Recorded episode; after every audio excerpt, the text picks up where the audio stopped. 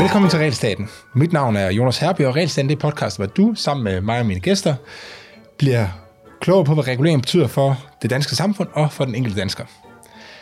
Vi har noget, vi skal fejre i dag. Realstatens webshop, den åbner officielt, og i webshoppen, der kan du købe trøjer og kopper, plakater og muleposer osv. med, med dine favoritregler. Øh, I den anledning, så gennemgår vi i dag nogle af de, eller de tre regler, men øh, i dag kan vælge mellem. Og hvis man lytter med, så kan man få muligheden for at være medbestemmende for, hvad den næste regel skal være, øh, som, øh, som kan komme på vores øh, merchandise. Øh, så til at hjælpe mig med at forklare reglerne, har jeg i dag min kollega og, og motoren bag regelstaten, Line Andersen, med i studiet. Øh, og velkommen til, Line. Tak. Jeg hedder øh, Line Andersen, og jeg studerer økonomi på Institut for Fødevare og Ressourceøkonomi på KU. Og så har jeg været her i Cepos i fire år og arbejdet sammen med dig på regler. Jeps. Det er, det er mere mindre din, øh, din jobskrivelse. Ja. Øh, Line, vi, vi lægger jo hele tiden sådan nogle øh, opslag op på, på, på primært Insta- mm. Instagram med alle mulige regler, som vi synes er skøre og sådan noget. Kan du lige prøve mm. at fortælle bare lige sådan meget kort, hvad er det... Altså, vi har en lang liste med alle mulige regler, men hvad, er det, hvad, hvad sker der så egentlig, fra vi får en eller anden idé, og til den så bliver postet? Mm. Ja, altså det kræver ret meget research, før at man kan, kan lave sådan et opslag. Øh, men det starter jo typisk med, at øh, du finder en regel, for eksempel i en artikel med nogen, der er, har oplevet en regel, der har fungeret dårligt. Øhm, og så starter research ellers bare derfra, Nå, men hvad for en regel bliver der refereret til i den her artikel? Øh, finde bekendtgørelsen, finde loven, hvornår den blev ændret, er den stadig gældende? Alle de her ting, som gør, at vi kan, kan formulere et opslag mm. øhm, og poste på Instagram. Så du er ekspertbruger på retsinfo.dk? Ja. øh, og diverse offentlige øh, hjemmesider? Jeg havde ikke lige regnet med, men det er jeg nu. ja. Øh, ja, men okay, men altså, ja, nej, ja, det, jeg tror man nogle gange måske lige under, altså, når vi skriver et eller andet opslag, så, så typisk så tager vi en konkret øh, mm. ting og siger, du må ikke, øh, øh, hvad kan det være? Øh, apotek, apotekeren må ikke sælge kildevand. Mm. Øh, men, men, men for at komme dertil, så skal man, så den, det kræver, at man ligesom finder ud af, hvad er det egentlig for en lov, der regulerer det her? Mm. Øh, og det er ikke altid, det bare lige står sådan super enkelt, og vi har haft ja. masser af diskussioner, også nogle gange med det med eksterne jurister. Mm. Øh, hvordan skal den her lov egentlig fortolkes, sådan noget. Ja. Og så den der med apotekerne, fandt vi så frem til, at der findes sådan en, hedder det positivlisten eller sådan noget? Positiv negativ listen. Positiv negativ listen, ja. ja. Med hvad man må sælge, og hvad man ikke mm. må sælge, øh, hvis man er apotek. Ja. Øh, så, så, så det, er ikke, det er ikke altid, det er så enkelt, som det fremstår på, øh, på retsstaten. Nej. Men, men det er jo en del af vores public service opgave, at vi, øh, ja. vi hjælper med at forklare, hvad det er. Mm. Det er præcis gået på, ikke? Øh, men vi skal snakke om tre konkrete regler i dag. Mm. Øh, vi skal snakke om pindsvin og slangebøsser, og så poser med hank. Ja. Og det er de tre regler, de tre regler som lige nu er tilgængelige på, øh, på vores webshop, som er ja. øh, regelstatenshop.dk øh, er webadressen. Mm. Øh, så skal vi bare kaste os ud i det. Det synes jeg. Vi, øh, vi har jo så det startet med pindsvinereglen. Som, øh, kan, ja, hvad, ja. Er, hvad, er, hvad går reglen ud på? Jamen, øh, pindsvinereglen er jo, at det er forbudt at pleje til skadekomme pindsvin eller en nødset pindsvineunge, hvis du ikke er autoriseret af staten til det. Øhm, og det var noget, der trådte i kraft i, øh, i 2019. Øhm, og det handler om, at der findes en række, en liste med en række dyr, som handler om, at du skal være autoriseret af staten, hvis du skal tage dig af det her dyr. Og hvad er der andre dyr på listen? Kan du huske det? Øh, ja, vi har, der er valer for eksempel, og bæver. Så hvis man finder en, øh, hvis man finder en delfin, nej ikke en delfin, hvad hedder sådan en, øh, et marsvin, ja det kunne også være en delfin. Ja. Så må man ikke øh, skubbe det ud i vandet igen.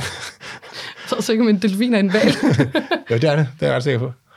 Det har der sådan underhullet op i... Øh... Okay, jamen hvis det er tilfældet, så nej, så må du ikke. Du må ikke tage dig af det. Du skal ringe til nogen, der har fået lov staten til at gøre det. Og Pindsvin kom så også på den her regel her i uh, 2019. Mm. Øh, og hvem, hvem, hvem, hvem, hvem var det, der stod bag? Jamen, altså helt lavpraktisk, så har det jo været Miljøministeriet, der har stået med det her og snakket om, at det er nogle tekniske ændringer af, at det er bare en opdatering af deres fortolkning af, ikke fortolkning, men af de fredede arter, der er i Danmark. Mm. Så det har egentlig bare, fra, fra deres side af har det været en, en, en teknikalitet. Mm. Men jeg ved ikke, hvem der har stået øh, sådan helt... Øh, politisk for, at det her det skulle gennemføres. Nej. Øh, vi, øh, hvis jeg husker det rigtigt, så er der, i, øh, altså er der en lang bekendtgørelse, og så er der mm. en, så er der en regel, som siger noget med, at du må ikke øh, pleje de dyr her, medmindre du er autoriseret af staten, mm. og så skal man kigge i bilag Seks. 6. Ja. ja. og der står sådan nogle... Øh, jeg faktisk ikke, er det ikke noget med det latinske navn, der står? Eller står der både det latinske og det danske navn? Det står både de danske og de latinske Ja, okay. Ja. Og, øh, og der er så lige pludselig var til, der, der er sådan en liste med x antal dyr, jeg kan faktisk ikke huske mm. Det er ikke så mange. Nej, det er 10 faktisk- dyr eller sådan ja, noget, ja, noget noget ja. størrelsesorden. Ja. Og så lige pludselig så kom pindsvin på. Mm. Øh, og der er jo nogen et eller andet sted, der har... Øh, altså for en i, at den, det er jo ikke, det var Jacob Ellemann, der var, der var miljøminister på det tidspunkt, mm. og det er ham, der underskrev bekendtgørelsen. ja. Men det er jo sandsynligvis ikke ham, der har fået ideen til det. Øh, Det tvivler jeg på. Så der er jo nogen et eller andet sted, nogle mm. lobbyister et eller andet sted, som har presset på for at få mm. den her, øh, det her pindsvin med på, øh, med på, på reglen. Og hvad, har hvad, ved vi noget om, hvad begrundelsen var? Øh, Ja. ja. altså Miljøstyrelsen, de siger selv, at øh, grunden til, at ændringen blev lavet, det var for, at øh, man ikke gør pindsvinene en, en bjørnetjeneste. Fordi hvis du plejer et pindsvin forkert, så kan det være, at du gør, at pindsvinet bliver mere sygt, end det var i forvejen. Og det kan også godt gøre, at man sætter den bestand, når man sætter så pindsvin ud igen, at den bestand, der så er der, bliver syge af, af det pindsvin, du har plejet. Det er, sådan, det er Okay. bevæggrunden for, hvorfor den er blevet indført reglen. Okay. Er der nogen dyr, hvor det argument ikke gælder for? Jeg tvivler. Så- Men så, det, så det hænger sammen. Altså, det må, det må jo gælde for... Det må gælde for alle. Altså, der er jo ikke nogen dyr, der bliver, har godt af at blive plejet forkert. Så det må, gælde, det må gælde for alle Ja. øh, dyr, tænker jeg. Mm. Øh, men det er så specielt ved pindsvin er jo nok, at det på en eller anden måde er øh, altså mindre almindeligt end en regnorm, eller hvad det nu kan være. Ikke? Så. Ja, det har nok været normalt, at man har taget sig af Nu fortæller jeg, hvad jeg tror, der sker. Ikke? Ja. Fordi hvis jeg kigger rundt i mit nabolag, så er der faktisk en, der er professionel pindsvine. Eller ikke professionel, det er hun nok ikke. Men, øh, Autoriseret? ja, hun, øh, jeg tror, det er sådan, det hedder pindsvinevenner.dk. Ja, Eller sådan noget, ikke? Øh, og de øh, plejer pindsvin. Og det var også der, som jeg normalt ville, altså dem jeg ville gå til, hvis det var. Mm. Øh, at jeg fandt et pindsvin, der var kommet til skade. Mm. Men, øh, og, og, og, jeg har fornemmelsen, at det har været nogen, altså det er nogen i den, det er ikke sikkert, det er lige præcis i den forening, men altså nogen, der på en eller anden måde har en særlig interesse for pindsvin, og synes, at det er Ja. særligt øh, sødt dyr, som på en eller anden måde får ind, har tænkt, det som mange danskere nok får ned til at tro, at hvis man indfører en, øh, hvis, bare, hvis der er et problem, så indfører man bare et regel ja. og så går problemet væk. Ikke? Mm. Så, øh, og og et af de argumenter, jeg har mødt rigtig meget med den her regel, det er det her med, at man ikke må give pindsvin mælk. ja. Ja, det er der mange, der tror, man må, mm. øh, men det må man faktisk ikke. Mm. Øh, og derfor, argumentet er så, at derfor er reglen en god, øh, en ja. God regel. Mm. Fordi man så antager, at jamen, så holder folk op med at give pindsvin mælk. Mm. Men jeg synes selv, at det er et enormt øh, skørt øh, argument, fordi at hvis ikke man ved, at man ikke må give pindsvin mælk, hvad er så sandsynligheden for, at man ved, at man ikke engang må pleje et pindsvin? Den er nok ikke særlig høj. Nej, præcis, præcis. Nu har den så været, den har været lidt i medierne, ikke? Var det ikke der, vi stødte på den? Øh, jo, jo, jo, det vil jeg mene, der. der. Øh, og jeg har også nævnt den så mange gange, også i det her podcast bare. Så, Jeg føler, det er noget, alle ved, fordi vi har snakket om det så mange gange, Ja, men det er det nok ikke. så, så det kan også ske, at der er lidt flere, der ved det nu. Øh, mm. Men, øh, altså, men, det er, men jeg tror, den er havnet i regelsættet, fordi der er nogen, der har tænkt, mm. at det her det kan løse et reelt problem. Ja. Og det, det kan det jo ikke. Altså. Man kunne også gået til det på en anden måde jo, med, med oplysning fra, fra pindsvinevennerne for eksempel, om at man ikke skal give pindsvin mælk, frem for at skrive det ind i en lovgivning, som folk ikke læser alligevel. Ja, ja, for eksempel. Ja, ja. Man kunne, øh, og det kunne have været... Øh, altså, det kunne være en anden tilgang til det, hvis man som mm. miljøminister gerne vil gøre noget ved det her. Mm. Det kunne være så støtte en oplysningskampagne. Ja. Øh, men det vil så jo have kostet nogle penge. Mm. Øh, her kan man bare tilføje nogle ord, og det Ja, kommer ja. aldrig nogensinde til at have en øh, betydning. Nej. Men af en eller anden grund, et eller andet sted i systemet, der er jo en, der ikke har magtet at sige nej til dem her. Og så i stedet mm. for at sagt, "Nå, men så lad os skrive det ned der bekendtgørelse. Og Ja, det, men det er jo meget sjovt, for der er de her høringssvar fra blandt andet Dyrenes Beskyttelse og Dansk Pattedyrsforening, som er meget tilfredse med, at pindsvinene er kommet med i den her bilag 6. Øhm, men så i om, samme ombæring, så det er det så... ryge dem til dem ind i podcasten en gang, og så prøve at høre, hvordan det, hvad de havde forestillet sig med den her regel her. Ja, Øh, ja, det, det, det, det, det, gæt på, at de har forestillet sig, at øh, pindsvinene vil få det bedre. Men Ja. ja, det, det vil være en god idé. Det kan Men være, de kan så- dokumentere det. Hvis nu de kan dokumentere, at pindsvin har fået det bedre, så, er det, så Ja. kan det godt være, at vi tager fejl, og det har været en god regel. Det kan være, ja. Øh, men så i samme ombæring i de der høringssvar, der har Danmarks Jægerforbund øh, udtalt, at de mener, at det er overflødigt at tilføje pindsvin, og samtidig så, øh, så mener de også, at de regler, der allerede var, at de var tilstrækkelige. Så jeg så undersøgt, hvad, hvad reglerne Danmarks var. Jægerforbund. Ja, Hvorfor, øh, altså, hvor, hvorfor giver de høring svar til sådan noget der? jeg tror, de synes, det, der skulle ikke være flere regler. Vi har gæt på, jeg ved det faktisk ikke. øhm, men øh, de peger så også på, at man gør mennesker, der kortvarigt tager pindsvin i pleje til lovbrydere. Og det er jo en ret god pointe med lige den her regel. Øhm, Og så, øhm, ja, hvad er det, de siger? Altså, det er jo en interessant... Altså, det er jo en interessant diskussion, at vi, har, mm. vi lever i et land, hvor man slagter, nu kan jeg ikke huske, hvad det er, altså 11 millioner svin om året eller sådan noget. Ja, ikke? Øh, og var det 10-15 millioner mink øh, før i tiden, ikke? Med, med åbne øjne, og de kører bare Ja, igennem sådan en fabrik. Mm. Øh, men så hvis man plejer et pindsvin, mm. som jeg også selv synes er et nuttedyr, Ja, ja. det, det er ikke så meget det, men så, øh, så kan man simpelthen risikere at få en, øh, få en straf for at hjælpe et, et dyr, ikke? Det, Mm. øh, ja, det kan man godt tænke lidt over. Ja. øh, jeg kiggede så ind på, hvad de, hvad de gældende regler var, før at den blev tilføjet på, på bilag 6. Og der, der kommer det frem, at pindsvin også er, fordi det er et vildt dyr, så bliver de også betragtet som et, et fredet dyr. Så du må ikke bare tage det ind. Men reglen var så før, at du godt måtte pleje det, hvis det var nødstedt, eller det var en, øh, en, en unge. Og ved vi, ved vi hvad, pleje, hvad betyder det at pleje? Altså, hvis, Ja, jeg- jeg det er står nogle- faktisk i loven her. Det står, øh, at øh, pleje med henblik på genudsætning. Men jeg ved ikke rent lavpraktisk, hvad... Så hvis man tager et, øh, hvis nu man finder en pindsvin, som er dehydreret, mm. og så laver man sådan en lille bitte bur ude i sin øh, udstue, eller noget i sin gård, mm. øh, hvor man så giver den noget mad og nogle øh, kattepiller, og så efter et par dage, så sætter man ud igen. Så er, det, så er man simpelthen brudt loven. Ja, for du må ikke tage det ind. Nej, nej, nej. Ja. Så ja, så er du lovbryder. Og så er der jo også... Altså, der er jo en straf. Og det er...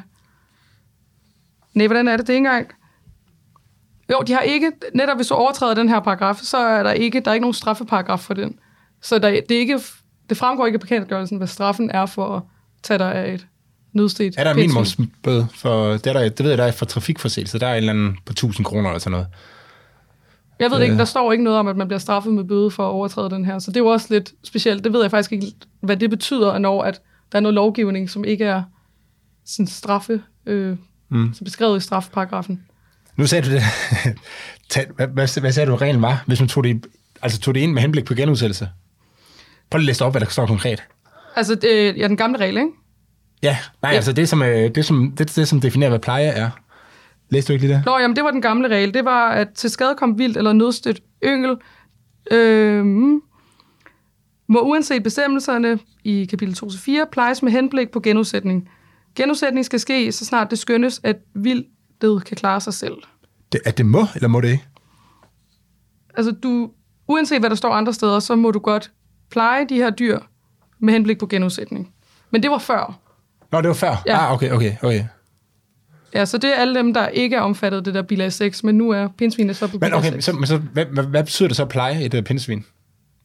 Ja, det gætter, hvis du, du tager det til dig, hvis du tager det ind. Tror jeg, det er det. Men det er bare, hvis en valg står på, så... Ja, det synes jeg også er voldsomt, du skal den med hjem. Jeg tager ved heller ikke, hvad, hvad skal man gøre? Så, altså, folk vil vel opdage, hvis der var et nødstedt valg. Det er jo ikke bare nogen, der bare lige kan sige, nu tager jeg mig af den. Det sker jo ikke. Nej, altså, jeg, jeg, jeg tror, det, man, øh, det de fleste ville gøre, ville nok være at prøve at skubbe ud i vandet igen på en eller anden måde. Ikke? Altså, hvis Ja. den var strandet. Det altså, må kan man man- vel så ikke. Ja, det ved, det ved jeg faktisk ikke. Det er jo ikke at pleje det. Altså, det er vel på en eller anden måde, så bare skubbe det tilbage i øh, vandet. Ja. Okay, men det er sådan Ja. også svært. Man kan sige, at det her det bliver også svært at så mm. finde ud af, hvad præcis der ligger. Hvad det mm. præcis vil sige, fordi der er selvfølgelig ikke... I hvert fald, vi ved, nogen, der bliver straffet øh, Nej. for det her. Ved, mm, så, øh, og det, på en eller anden måde vil, vil man jo bruge... Altså, hvis der er en, der bliver straffet, vil man kunne kigge der og sige, hvad, mm. altså, hvad er de betragtet som leje? Ja. Altså, eller som pleje, mener. Hvis Ja, ja, ja. du har givet det vand, er det så pleje? Hvis du har skubbet ud i... skubbet valen tilbage Ja. ja. i, i havet, det, hvad, Ja, Jeg tror Er det ikke, det er noget, der pleje, er, øhm, der er konsekvenser for så tit det her. Jeg tror ikke, det er noget, der bliver anmeldt nogen steder. det, det tvivler jeg også på. Okay, skal vi springe videre til næste? Slangebøsser. Ja. Øh, hvad, hvad, hvad er reglen her? Reglen er, at det er forbudt at lave en slangebøsse, og øh, overtrædelse medfører bøde eller fængsel i op til fire måneder. Okay, det har jeg gjort en gang. Jamen, øh, så er der bøde jo.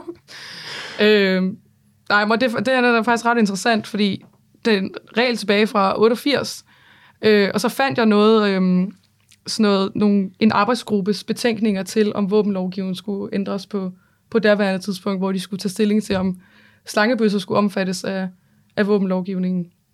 Og det var det så, at det fandt de frem til, at, øh, at det skulle den, fordi de havde flere argumenter.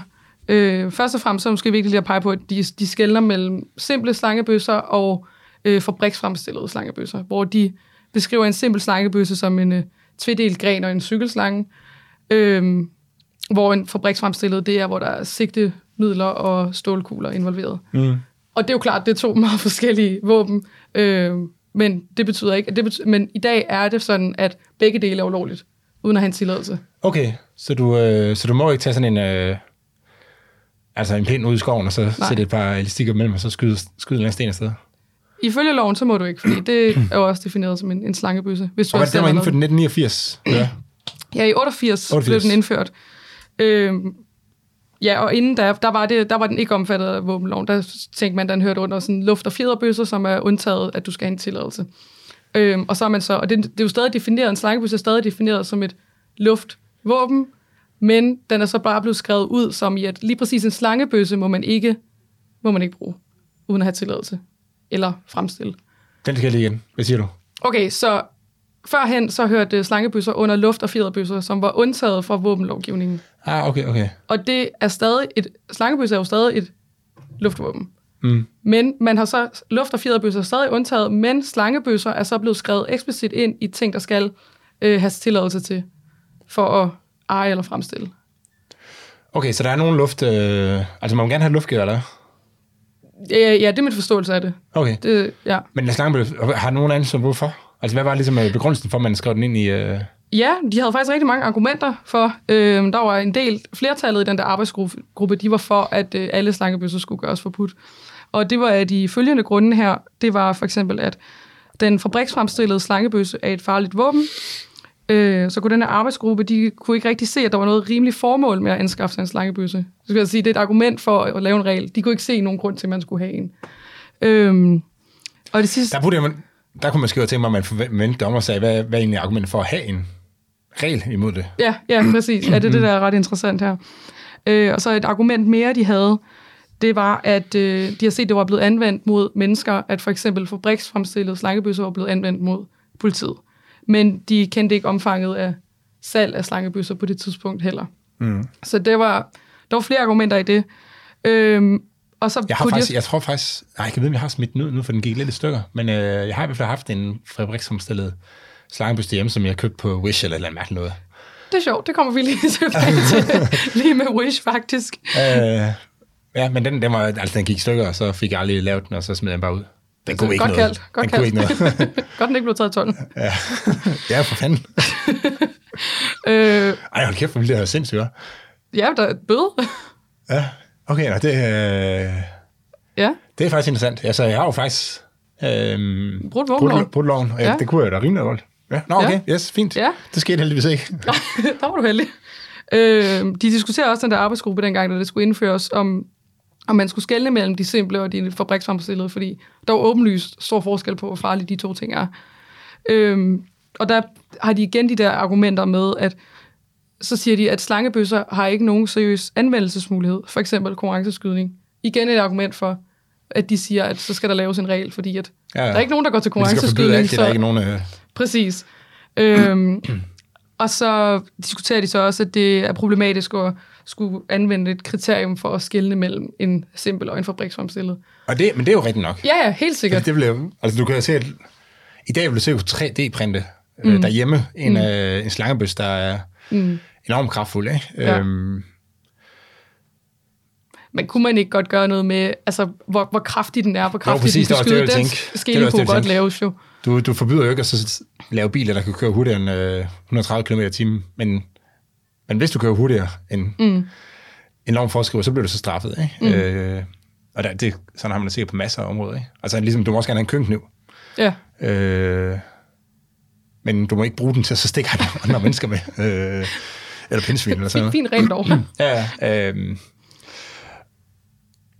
og jeg kan da godt, altså, det er da rent nok, der er, det er de færreste, der har brug, altså, der har sådan konkret brug for en slangebøsse, men altså, hvem må så, altså, jeg kan sagtens forestille mig en situation, hvor du skal øh, hvor du synes, det kunne være sjovt at sidde og lave en slangebøsse og skyde mm. til måls efter mm. et eller andet. Øh, ligesom, altså fordi du ikke har brug for et luftgevær, øh, eller har råd til et luftgevær, men du gerne vil lave en eller anden konkurrence med dine venner eller din familie eller mm. noget, altså, så bygger I hver jeres øh, slangebøsse, så du kan sidde og skyde efter måls. Og så er det mm. lidt, lidt overkill at sige, at det skal være forbudt, ikke? Ja, Øhm, men det er jo lidt det samme som tilbage der med pindsvinet, ikke? at nu gør du altså, relativt uskyldige mennesker til lovbrydere. Det er jo det samme her, at hvis du går ud i din have og laver en slangebøsse med dit barn, så, øh, så er du lovbryder. Så bruger Ja, du våbenloven. ja. Det er jo også, det virker ret uprofessionelt, ja, øh, at man så ikke har lavet den der skildring. imellem de to. Men det er Men interessant det det kan man her. sige, det er jo, altså, men det, det viser måske også meget godt, hvor afhængig man er at, at man har sådan nogenlunde fornuftig politi. Ja, Fordi hvis... Øh, altså ellers skal man blive anholdt for hvad som helst, ikke? Efterhånden, fordi at... Øh, altså, de skal nok kunne finde et eller andet, hvor man har brudt, øh, brudt loven. Altså pleje pindsvin, eller lave en slangebøsse, eller et eller andet, ikke? Mm. Øh, og så ville de jo kunne, kunne komme og tage en, hvis det er, de, de skulle have lyst til det, kan man sige. Så der er Ja, man ligesom nødt til... Altså, der er man meget afhængig af, at politiet øh, opfører sig fornuftigt, og ikke, an, mm. ikke kommer og anholder folk, som i bund og grund ikke har gjort noget forkert. ja. Øh, Men det har man jo så i, i lovens øjne, har man jo gjort noget forkert. Så det er jo det, Ja, der ja, men i bund og grund har man ikke, så man kan godt have... Altså, man, man har også før haft en politibetjent, som har set, at man har gjort et eller andet, og så sagt til det, ja, ja, Mm. du, øh, hvis du bare trækker herfra, ja. når du kører uden lys, så, så siger vi, den går den her gang. Ikke? Mm. øhm, jamen, det, jeg synes, den der, den der med pindsvin er også en lille smule... Altså, selvfølgelig skal man ikke mishandle pindsvin. Det tænker jeg også, du var ulovligt til at starte med, men Jamen, det, det altså, man er har jo det ingen vel. jordisk chance for at, vise, for at vide, at den er forbudt. Det samme gælder på grund af slangebøsser. Mm. Altså, du har ikke nogen jordisk chance for at vide, at det er forbudt at lave en slangebøs hjemme i haven. Øh, fordi man normalt, normalt vil jeg sige, at det er nemmest at, få, det er nemmest, nemmest at vide, at noget er forbudt, hvis det også er lidt moralsk anløbent på en eller anden måde. Ikke? Ja, lige præcis, Altså, ja. Jeg kan godt regne ud, at det er nok ikke tilladt at så kaste en snibbold i nakken af en eller anden mand nede på gaden. Fordi det bryder sig sgu nok ikke om med. øh, men, men at kaste med sne øh, på en eller anden sportsplads, hvor vi alle sammen er med på det, øh, mm. eller hvor, der ikke, hvor vi ikke kan komme til at ramme andre eller sådan noget, ja. det, øh, ja. Der, der skal man være relativt, gå relativt meget op i regelstaten, for at vide, at det, Ja. ja. det er forbudt. Det, Ja. det er det, er det det? Jo, det er det kan forbudt at lave snibboldskamp, ja, hvis det kan være til gene. Ja, hvis det kan være til gene Men det kan man kan jo teorien det godt, kan hvis det jo der er nogen- altid. Hvis der, hvis der er nogen, der skal forbi der, og vi, mm. så vil det jo være til gene for dem, at de skal gå ud nok, ikke? ja. Øh, ved vi, har det ført til nogen? Er der, er ved vi, om, om der er nogen, der er dømt for det her? Øh, ja, det er der faktisk. Det er ret interessant. Der er, vi har, der er to sager, sådan, hvad man lige kunne, kunne støve op. Øh, hvor det er faktisk lige præcis dit eksempel med, at der er blevet købt noget på Wish, øh, Ah, okay. som så er blevet taget i tolden. øh, og det første eksempel her, det er, hvor der er en mand, der blev brudt for, øh, dømt for at bryde på våbenloven, og han fik en bøde på 4.000 kroner for at have købt en øh, slangebøsse til sin søn. Og, På Wish eller? Ja, på Wish nemlig. Han troede Ej, nemlig, han, det er mig. 4.000 kroner? Ja, han troede, han havde købt et stykke legetøj, som så viste sig at være en slangebøsse. Øh, og den blev så beslaglagt i PostNords internationale postcenter. Så det er der, Nå, okay. det er der, det sker. jeg står og bliver helt svedig nu. Ja, det forstår jeg da godt. Øh, og så er der også en anden en, hvor der er en, en far, der har ladet sin søn øh, shoppe på Wish efter udendørs udstyr, tror jeg bare, han havde snakket om. Så har sønnen så købt en, en slangebøsse til, står der, 26 kroner. Det, Det dræber altså. Ja. Jamen altså, han skulle da have vidst, at det var skide lovligt. Mm. Det gjorde han så ikke. Øh, og den blev så også taget i tolden. Og han fik så også en bøde. Øh, og han fik så også, ham her, faren her, han havde en våbentilladelse til nogle, til nogle andre våben. Og havde så kontaktet altså myndighederne og været sådan, kommer det til at have nogle konsekvenser for, for min våbentilladelse nu, at jeg har brudt våbenloven? Og det får han så at vide så, at det, jamen, der er ikke nogen konsekvenser, det er fint, jeg kan bare betale bøden. Så efter han har betalt, så går der noget tid, og så får han så bare et brev i e-boks. Du, du har fået frataget din våbentilladelse. Okay, Altså- så han, mist, han med 4.000 kroner og mistede Ja, våbentilladelsen for jeg ved så ikke, om den lige præcis var 4.000 kroner, den her, men i hvert fald øh, en bøde, ikke? En slangebøsse til 26 kroner. Ja, Nu, den slangebøsse, jeg købte dengang, Ja. kunne godt have kostet 26 kroner. ja. og den var nul og niks værd, simpelthen ikke? Altså meget tynd elastik og sådan noget, og mm. øh, at det virker en lille smule ude af proportioner. For Det er sige ret for at sige det, som voldsomt. det er. Ja. Men det er så ham der... Øh, Det er noget, jeg vil sige, det er noget andet, hvis du køber... Nej, det ved jeg ikke engang, det er. Men okay, hvis du køber sådan en slangebøs, der direkte kan slå ihjel, altså med jernkugler Ja, ja, og sådan noget, så, øh, så er det i hvert fald meget, meget bedre argumenter for det. ja, jeg vil sige, der er For i så, hvert fald sige, så, er også... det, så bliver det et våben sammenligneligt med, mm. Med, altså, med almindelige håndvåben. Mm. Og der, kan man, der er nogen, der synes, de skal være tilladt, nogen, synes, de skal ikke være tilladt, men jeg tror, alle er enige om, at det, at det er noget andet, Ja. end, øh, end et eller andet. Altså, det svarer jo lidt til, at du køber sådan et øh, papsvær til din, øh, Ja, din ja. søn, ikke, som de kan løbe rundt og slås Ja. ja. med ude i haven. Ja, der er lidt med intentionerne her, ikke? Der er Ja, lidt, lige øh, præcis. Lige præcis. lidt ved siden af. Ham her, han kontaktede så en, vild, ja. øh, en advokat og fik så lov til at beholde sin våbentilladelse, da der blev startet en sag op. Men ellers så... Nå, han fik lov til at beholde? Ja, ja. Okay, men, han, Men det var først, da han fik en advokat på sagen, så det jo blev en Okay. dyr fornøjelse at men få lov til mange, der kunne være mange almindelige mennesker, som havde, øh, Helt sikkert. som bare havde mistet deres øh, våbentilladelse og ikke tænkt Ja. nærmere over det. Ja, Øhm, og, fik, og så havde fået ødelagt en, måske en hobby med at gå på jagt, eller hvad ja jamen, fuldstændig. Det, det er et godt eksempel. Den tror jeg, jeg skal til at bruge frem for øh, pindsvin ja. øh, fremover. Du lytter til Realstaten.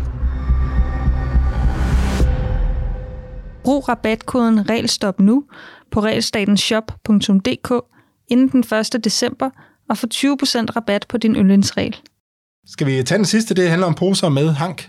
Ja, det synes Den, jeg. den er jeg glad for, at vi har på, fordi at jeg er øh, forleden brugt den som eksempel, og jeg kunne simpelthen ikke huske, hvordan der reglen er. Jamen, Så, det er godt. så det kan du lige øh, kan jeg lige genopfriske. for os. Ja. Ja, øhm, For det er jo et forbud. Vel? Eller er det? jo, jo, det er forbudt at udlevere en gratis papirspose Ja, der, ja. med hank. Men det er tilladt at udlevere en gratis papirspose uden hank.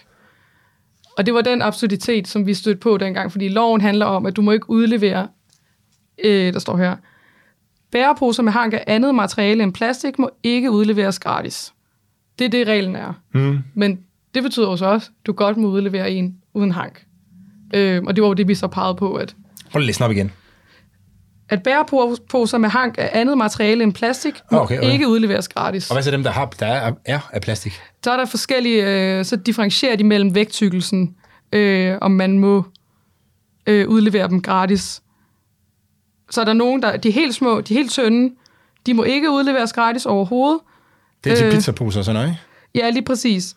Og så dem, øh, der er større, hvad står det her? Det er bæreposer af plastik med og uden hank. Nej, det er jo det, så er det jo det her point, der er med og uden hank, med en vægttykkelse over 30 mikrometer, må ikke udleveres gratis. Og det næste her, det er så bæreposer af plastik med og uden hank, med en vægttykkelse under 30 mikrometer, må ikke udleveres gratis eller mod betaling. Så de helt tynde, de er forbudt, og de tykke, de, er, de må okay. bare ikke udleveres gratis. Okay. Ja. Så, så pizzaposerne findes simpelthen ikke mere, eller? Øh, ikke de, altså ikke, det er ikke de helt tynde med hank, de må ikke udleveres. Og vi er sikre på, at det er pizzaposerne? Eller gætter vi? Nej, ret sikker. Okay. Øh, jeg kan faktisk heller ikke lige huske, at jeg har fået sådan en, øh, fordi jeg får tit sådan en stofpose eller sådan noget stedet Ja. Jeg ja. bemærker, at maden, hvis man bestiller mad, mm. så kommer det tit i sådan en stofpose, eller sådan en stof, jeg ved ikke, om det er stof, det er nok, altså, men et eller andet, der ligner lidt øh, sådan en ja. stofpose. Øh, og det jeg egentlig troede var fordi, at de, så må de gerne udlevere uden betaling, ikke? Nej, hvis der er hank på, så skal de tage betaling. Okay. Så hvis du får en pose med hank, yes, så skal yes. du betale 4 Okay. kroner for den. Øh, og så er det måske for, at det kommer til at se lidt mere ud, ud af lidt mere. Altså, at det ser lidt tavle ud, hvis man skal betale 4 kroner for en eller anden øh, tavle plastikpose. Så måske er det derfor. Mm. Øhm, men uanset hvad, så kan, de, så kan de ikke bare levere sådan en billig plastikpose der. Nej. Okay, det er, en- men det, det er en af de regler, hvor jeg tænkte, at det der det er jeg ikke sikker på. Altså, den er jo indført, af miljøhensyn, ikke? Jo. Altså for... Ved, ved, har, ved vi noget om? Har du undersøgt det? Ja. Hvor stort problemet var med plastikposer? Åh oh, ja. ja, det har jeg undersøgt. Det, øh, der var et hørings... Ikke et høringssvar, men øh, der var nogle folketingsspørgsmål i forbindelse med udarbejdelsen af lovforslaget her, øh, hvor der blev spurgt, altså hvor stort er problemet med plastik i, i Danmark? Ja. Altså plastikaffald. Og der kommer svaret fra, øh, fra ministeren, at i Danmark har vi et effektivt affaldshåndteringssystem, og vores eksperter er enige, når det kommer til posens afska- af- afskaffelse. Den ender på forbrændingsanlægget, ikke i naturen. Så Okay. eksperterne siger, at det her med plastik er altså ikke et stort problem i Danmark. Øh, men jeg synes jo egentlig, noget af det mest interessante ved den her, det er, at den kommer fra EU's direktiv, der hedder letvægts plastbærepose direktivet. Langt ord. Øh, hvis formål er at reducere mængden af plastik i naturen og i havene. Fint formål. ja. Men måden Danmark så har implementeret det på, har jo så bare været alle poser forbudt at udlevere dem gratis. Kunne man have gjort noget mindre, eller?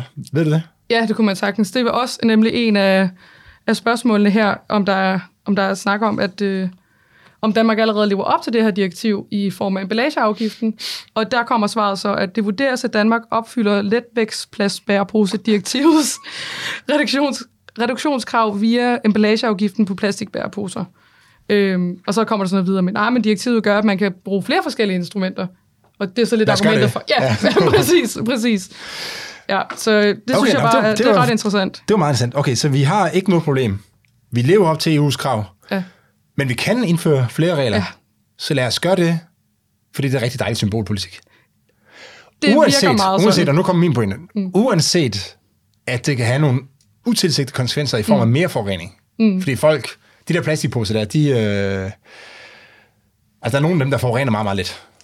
Ja, det er helt... Ja, de der helt tynde nogle Ja. ja. der, de forurener meget, meget lidt. Øh, blandt andet fordi man selvfølgelig bruger meget, meget lidt materiale til dem. Mm. Øhm, nu er de så blevet erstattet af de her stofposer, som mm. mit gæt er, at ja, stofagtige poser. Ja. Øh, mit, mit gæt er, at de forurener mere. Altså, når jeg Altså, bestiller, det kræver flere ressourcer at producere sådan en i hvert fald. når jeg bestiller, når jeg bestiller øh, burger eller sushi, eller hvad det nu kan være, øh, thai-mad, så får jeg nu, i stedet for en tynd plastikpose, får jeg sådan mm. et stofagtigt net. Mm. Og mit bud er, at det forurener meget mere. Mm. Så man har, i symbolpolitikkens hellige navn, har man mm. simpelthen øh, gjort problemet værre. Det er, kunne er, man mit, sagtens er, mit, er mit bedste bud Ja. øh, på det. Plus man så har påført borgerne nogle, nogle omkostninger, mm. og øh, man har grebet ind. Det er jo en af problemerne, som jeg synes øh, ved det her lov her, det er, at man er, man er jo ikke... Man er jo grebet ind i forretningernes forretningsmodel. Ja. Altså man kan have forskellige øh, afhængig. Det er nogle, ligesom nogle webshops, der skal du betale for levering, andre skal du ikke. Mm. Der er forskellige måder at gøre tingene på, afhængig af, øh, hvad, hvad den enkelte butik nu får, lov, får til at virke for, mm. for sig. Øh, men her har man så sagt, at alle butikker skal tage penge for deres poser. Mm. Øh, og det, øh, det synes jeg er en rigtig dårlig form for regulering. Jeg var nok mere mm. til, hvis der var et problem, den der emballageafgift. Mm. Øh, men spørgsmålet om det havde været, altså spørgsmålet om det havde været et problem uden det, fordi at man ser relativt få plastikposer. Det kan nok ikke undgås, mm. der er nogle plastikposer, der ligger og flyder rundt omkring mm. øh, i et moderne samfund, desværre. Øh, men det er meget, meget sjældent, man Ja. ser de plastikposer. Øh, og det vil typisk være Nørrebro søndag morgen, at der ligger nogle pizzaposer, mm. sådan der flyder, ikke? Øh, Eller pizzabakker er det nok mere. Ja. Okay. Øhm, har, det, har, det fået, har den fået til noget skørt? Har vi nogle skøre eksempler med med regler? eller? Øh, ja, altså lige da den her den blev indført, så kom der en historie om en restaurant, der begyndte at klippe håndtaget af deres øh, papirsposer, huske, og det var derfor, vi så fandt øh, inspiration til, til opslaget på regelstaten. Der står snif, snif eller sådan noget, ikke? Ja, ja, ja. Jamen det var det. Så skal medarbejderne bruge tid på at klippe håndtag af, og det er til gene for forbrugerne Ja. også. Øh, Men det var trods alt nok kun med det lager, de havde. det tænker jeg, det tænker jeg, men det, synes også, det, det er stadig et vildt eksempel på... Øh, Jeg får, Få meget bil, jeg får meget Bilka to go. Øh, det bruger vi meget. Mm. Øh, hvor man bestiller varerne, og så kommer mm. ud og henter dem. Og der fik vi det altid i plastikposer, som, øh, som så kom hjem, og så brugte vi dem til affaldsposer, og hvad man nu ellers bruger dem mm. til. Øh, fodboldstøvler og alle mulige ting. Så her.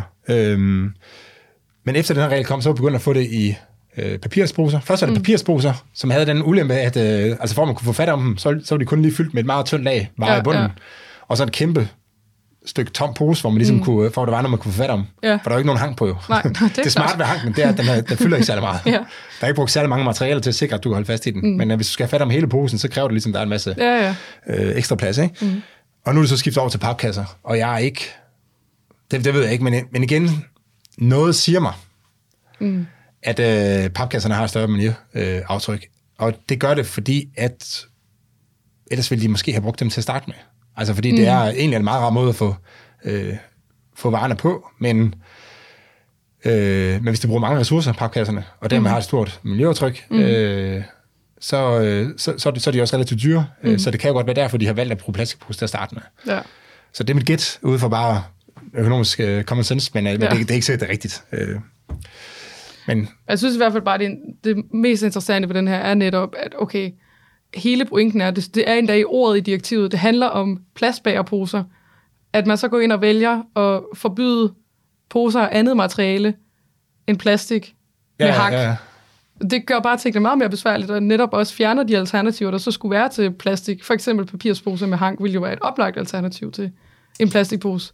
Men det er jo så, det er jo forbudt. ja, ja, ja. Det er, og specielt, når der ikke var noget problem. Ja. Okay, jamen lad os springe videre. Det var, det var så de tre regler, dem har vi mm. nu på regelstatenshop.dk. Det var totalt reklameafsnit, det her. Fuldstændig. øh, men vi har også to regler øh, mere, som vi øh, vil have, som vi vil gerne have lytternes øh, holdning til. Mm. Øhm, og det er reglerne om vinterkampering og flagreglerne. Mm. Og øh, jeg vil tale om, at man kan stemme på to måder. Ikke? Man kan enten Ja. Skrive på Facebook, Twitter eller Instagram, hvilken regel man, øh, måske link til den på Instagram, mm. øh, hvilken regel man synes, der skal være i webshoppen, og så husk lige at tagge mig eller, eller regelstaten. Øh, mit, mit tag, det, eller tagget på Twitter, det er, og på Facebook er bare regelstaten, mm. øh, og jeg hedder Jonas Herby begge steder. Så tag os der, eller også som holde på regelstaten, hvor vi kører en øh, afstemning i stories på onsdag, den ja. 16. november. Yes. Okay, men lad os starte med de to regler her. Den ene, lad os starte med den, som falder mig, øh, som kommer, eller, hvad, skal jeg sige, altså, som er mest på hjerte, Ja. øhm, som er den her vinterkampering, fordi jeg, altså jeg synes, det er en modbydelig regel, ikke? for den er designet mm. til at så ramme, den er nærmest designet til at så ramme de mest udsatte i samfundet, mm. øh, fordi man ikke vil have, at de bor på, øh, altså, at de bor på et for, under forhold, som man ikke selv har lyst til at bo under, i bund og grund det. Men, kom, Ja. men lad os, øh, ved vi, hvornår, ved vi, hvornår den er indført? Øh, der Hvad var hedder faktisk reglementet? Det hedder nemlig campingreglementet. ja. Øh, den, den Og hvad er reglen? Hvad er reglen? Og jamen, reglen er, at øh, i hvert fald lige nu, øh, er, at campingvogne og telte osv. må ikke være opstillet på en campingplads mellem den 1. november og 28. februar, det vil sige vintercampering. Øhm, og de må kun være opstillet, hvis kommunen har givet tilladelse til det, og man må kun være der i 15-20 dage ad gangen, det vil sige kortvarig ophold. Mm, mm. Og det har jo så den implikation, at du kan ikke, du kan ikke bo på en campingplads om vinteren. Nej, du er nødt til at flytte derfra, og så komme tilbage. Ja, præcis. Og hvad, hvad, hvad, hedder, hvad har vi den på... Øh, altså, hvad hedder vores billede der? Hvad, hvad er teksten der? Uh, Nej, det har du ikke med. Jeg tror, det er det, der stod øverst på din papir. Nej, Okay. den har jeg ikke med denne gang. Øhm, men det ældste, jeg kunne finde af campingreglementet, det var fra 86, og der, der var den samme regel, at man ikke måtte campere om vinteren. Øh, hvis man så kiggede endnu længere tilbage, for at man kunne finde nogle ældre regler på campingområdet, så finder man en, der hedder sommerhusloven, hvor at den eneste paragraf, der nævner noget med campering, det er, at Miljøministeren kan fastsætte forskrifter om indretning og benyttelse af campingpladser. Okay. Øh, så der Og var ikke rigtig... det er også en bekendtgørelse. Altså noget, som ministeren ja. sidder... Han har fået lov til på en eller anden måde at udfærdige nogle regler. Ja. og så kan han så sidde og skrive de Præcis. regler, han har lyst til. Så mit bedste bud er, at det kom der i 80'erne, den her regel. Men jeg, jeg er ikke 100% sikker, for jeg har ikke kunne finde, øh, finde noget, der var ældre end det i hvert fald. Okay, så, så, Men er det så, det har i hvert fald været på plads siden ved vi så, hvad af 80'erne. begrundelsen var? Jamen altså, i hvert fald begrundelsen nu, det er... Øh, Ja, nu, men det, det sjove er, at nu, det begrundelsen nu, mm. det er måske nemmere at komme tilbage til, når vi skal snakke om flagregler. Men, Ja. Jamen, okay, så vi- hvad er begrundelsen så nu? Lad os bare tage den. Ja, altså der er i hvert fald, jeg fandt en artikel, hvor de diskuterede om, at øh, begrundelserne for de her campingregler, det var de samme som begrundelserne for, hvorfor man ikke må bo i et sommerhus. Og det er, at man vil sikre, at områderne fastholdes som rekreative områder.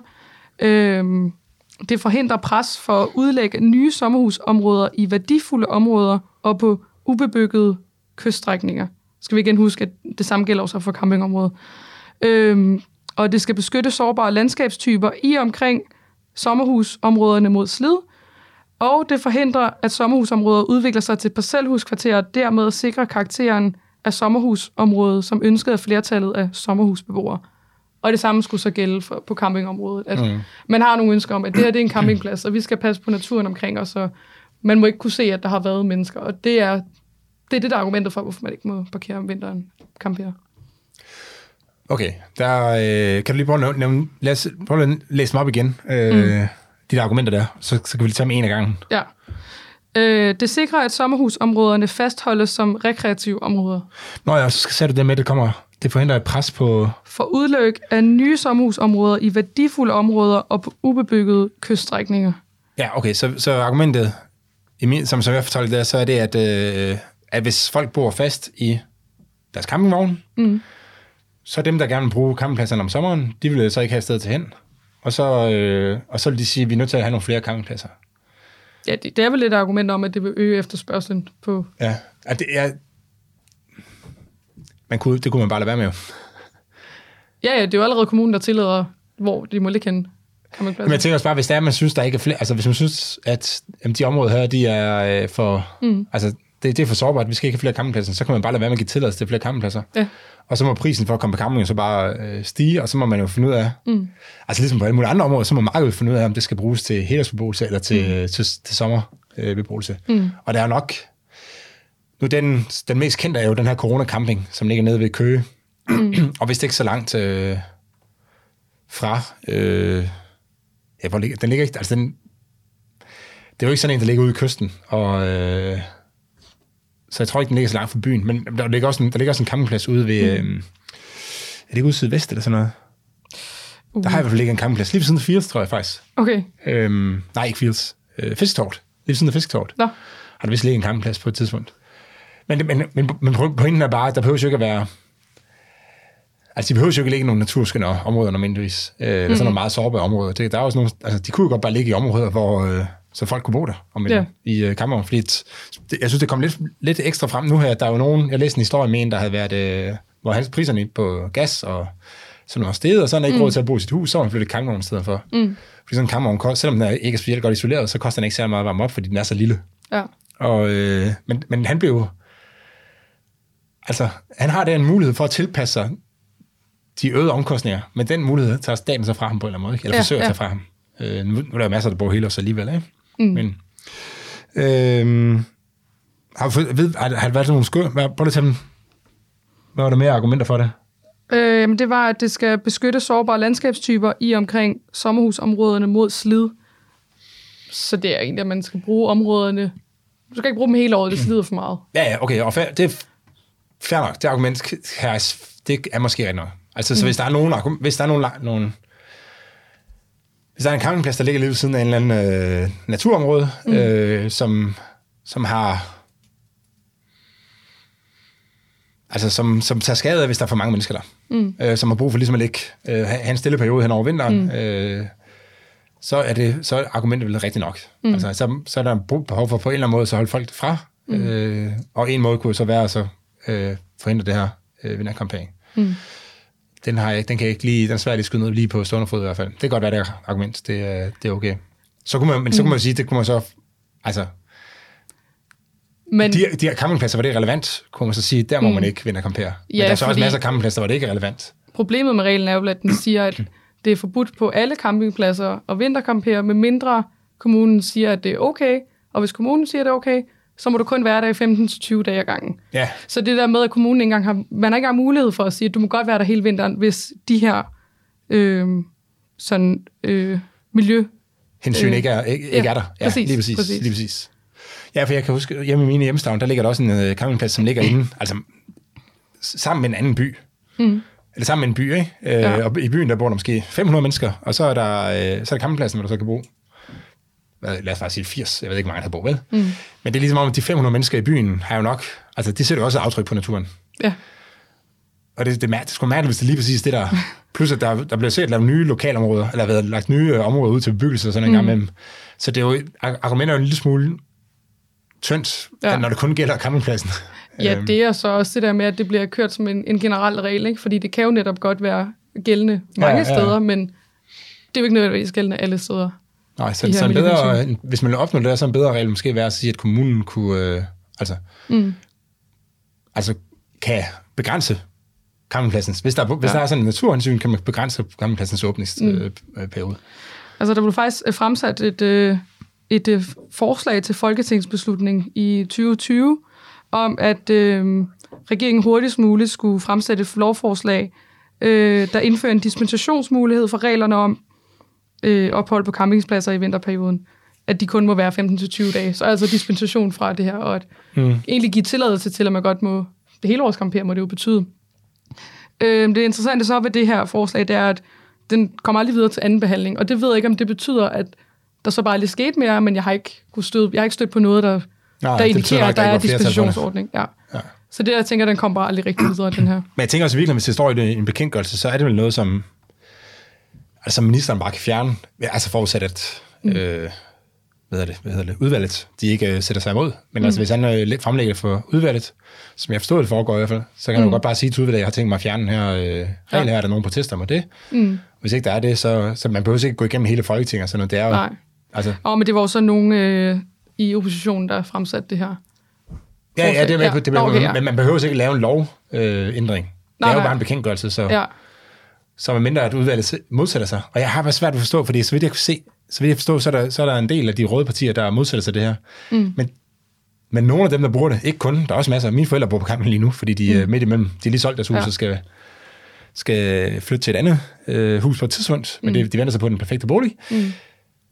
Men der er også nogen, altså, der har man set, det der coronakampen, der er også nogle lidt mere øh, sådan, udsatte borgere, men det er jo, mm. men det er jo en hjælp for dem jo.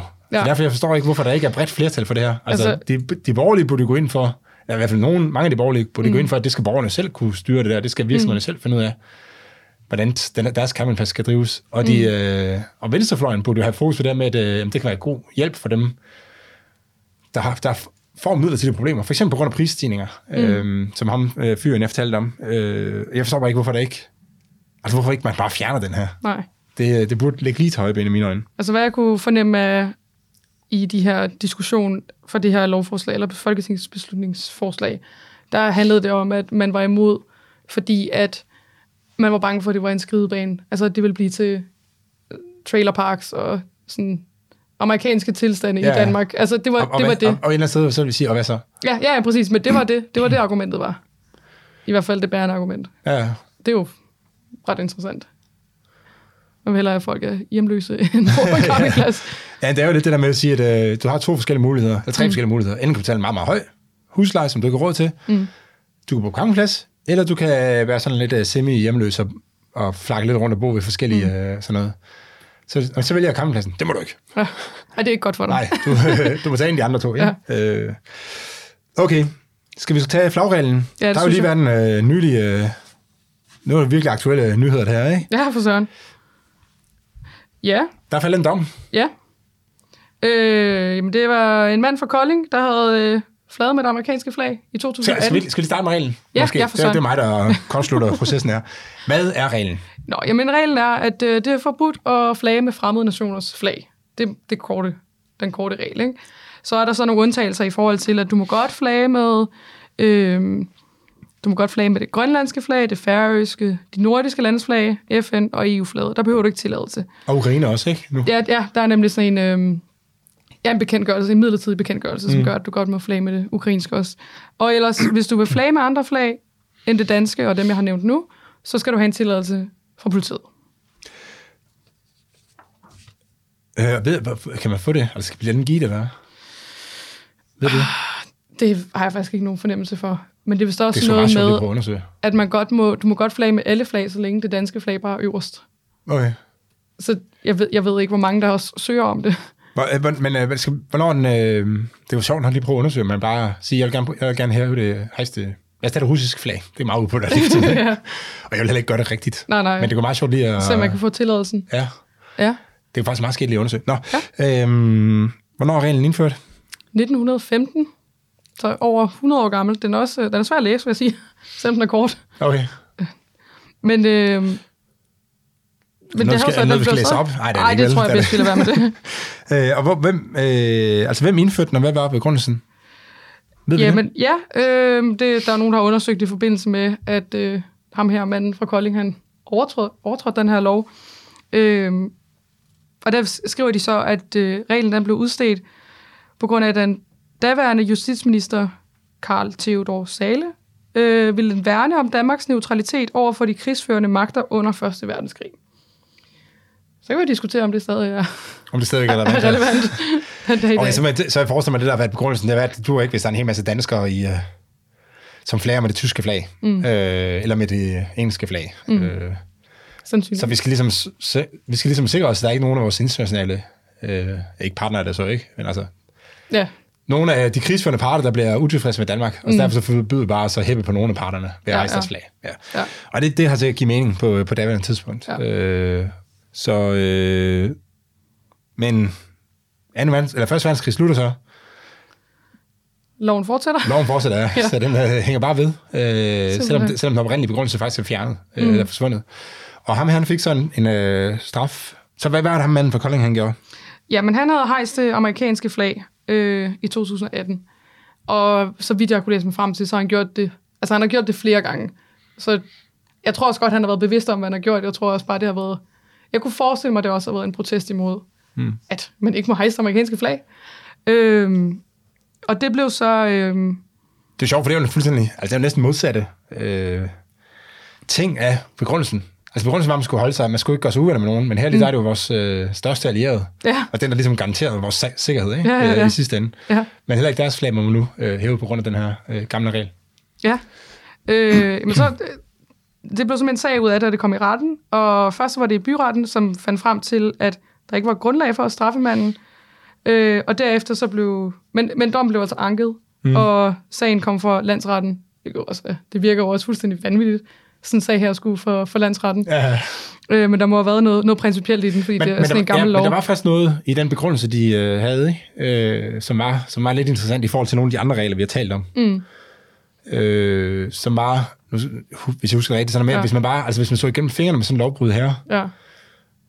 så ville det være svært at håndhæve altså andre regler. Mm. Hvis nu der var en, der lavede en slangebøsse, eller hvis der var en, der plejede ja. Pindsvin, ja. eller, øh, eller en restaurant, der, øh, eller en pizzeria, der gav en pose væk med, med hank. Ja. Øhm, så, så det var ligesom et af argumenterne for, og siger, mm. at jamen, ham, ham her manden, han skal straffes. Ja. Så, så hvis jeg husker rigtigt.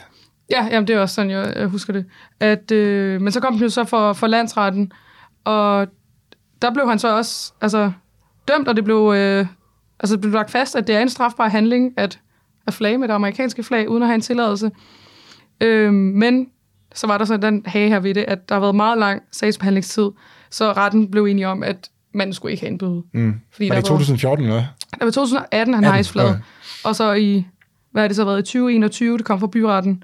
Og så må det jo så have været her for nylig, at den har været i, i landsretten. Altså, det er jo sådan ret, det er et ret langt sagsforløb for at hæve, for, for at hæve et stykke stof op i en, uh, en pind. Ja. Er det lidt, hvem har du, hvem har du generet ved det her? Ja, og jeg, jeg, altså jeg har diskuteret den her regel et par gange øh, på Facebook, og der er mm. sådan nogle... Øh,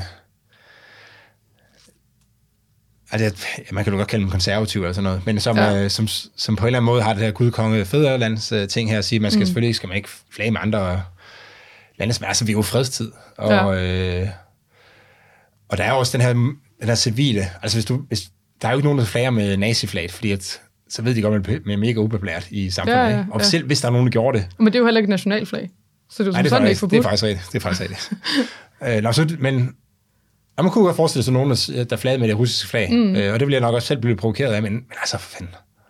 Jamen, så skal man nok, gider man nok bare ikke være venner med dem. Nej, nej, så, ja, præcis. Øh, og så må man gå ind til dem og sige, at, altså, måske sige, at jeg synes altså vildt, det er utilstedet, at du flager med et flag der. Øh, og hvis de så siger, at øh, du har mig et vist sted, jamen så er man bare ikke gode venner med dem mere. Nej, nej. Øh, hvis, man, hvis man synes, det er så slemt. Ja. Eller også øh, kunne det være, at de siger, at det er meget, meget vigtigt for os. Og, jeg, jeg, den har jeg svært ved lige at så se, hvad det argument skulle være. Men, men bottom line er, at det er jo et stykke papir, eller et stykke stof, man har også oppe i en flagstang. Mm. Og gør det forbudt. Jeg har det lidt svært ved det. Ja. Altså, det er ikke fordi, du ligesom har taget noget fra nogen. Du har ikke øh, gjort nogen fysisk træd eller noget. Øh, det er jo sådan, synes- lidt, det er jo sådan, det er jo sådan en slags øh, wokeism på en eller anden måde. Ikke? Ja. Den, du siger noget, og så den måde, som folk opfatter det på, mm. det er det, der bliver det vigtige. Ikke? Mm. Øhm, jeg tror, det er det, jeg har lidt svært med den her regel. Jeg tror også, det er noget, vi tit diskuterer, i hvert fald i forhold til de regler, vi, vi hiver frem og præsenterer, i hvert fald på regelstaten, at så er det tit en kommentar, vi får, der hedder, Nå, jamen, du er lige meget, det bliver aldrig håndhævet. Det, det er meget en attitude, der er omkring de her regler, men det her det er jo bare et klokkeklart eksempel på, at hov, de, altså, de bliver og håndhævet. det var, nærmest, de det var jo faktisk en form for nabostrid, var det ikke det? Øh, Hvem var der jo, det, Det er ikke sikkert, det står i den der, men jeg synes, jeg kan huske noget med, at det var nogle... Øh, altså, det var, nogle, det var selvfølgelig nogle af de lokale, der havde set sig sur mm. på ham, øh, så vidt jeg husker det. Ej, hvert jeg tror ikke, politiet selv har været derude og Nej, nej, nej, det var jo det. Og Der det, var, det, må det, være det, nogen, var, der anmeldte det. det var selv brugt som argument for, øh, altså for den her pindsvindregler for slangebøs, det er, at det er, hvor man kan forestille sig, at de blev anvendt. Det er jo i sådan nogle nabokonflikter. Mm. Altså folk kan bruge dem til at så sige, øh, jeg synes, du er træls. Jeg synes, du er træls. og så, "Ahoj, nu, nu sender jeg politiet på dig, ikke? fordi jeg har Ja. faktisk opdaget, at du skød med slangebøs ud i haven. Mm. Og jeg ved tilfældigvis, at du, har- at du lagde den der inde i redskabsskur, og nu kan politiet komme og så finde den der Ja. ja. våben og sådan noget. Ikke? Øh, og det gør det problematisk i sig selv at have de der regler der, for det er jo ikke... Altså, staten skal forsøge at lægge låg på sådan nogle konflikter. Ja. øh, og bes- og beskytte folk. Den skal ikke øh, ligesom være et middel, som folk kan bruge mod hinanden. Mm. Øhm, vi har sagt, hvordan vi stemmer. Nå ja, ja det var så lytteren. Nu skal jo så vælge. Skal det være... Nu er det smart, at vi så live, ikke? skal det være vintercamping eller flagreglen, der skal være den næste regel på øh, regelstaten shop.dk. Ja. Det kan I være med til at påvirke derude. Øhm, vi har ikke mere i dag, vel? Nej, jeg tror, det var det hele. Det kan være, at vi skal skrive nogle blogindlæg om det her. Det er jo faktisk mange, mange interessante fakta, vi har fået på bordet her. Ja. Øhm, yep. Men til jer, der lytter med, jamen tak som altid. Og hvis I vil kontakte med os, så kan I skrive til mig på herbysnabelagsefas.dk eller til Line på line-sefas.dk. Ja, Du er en det fornavn, der har fået fornavn. Som, ja øh, simpelthen. Okay. Øh, tak for i dag.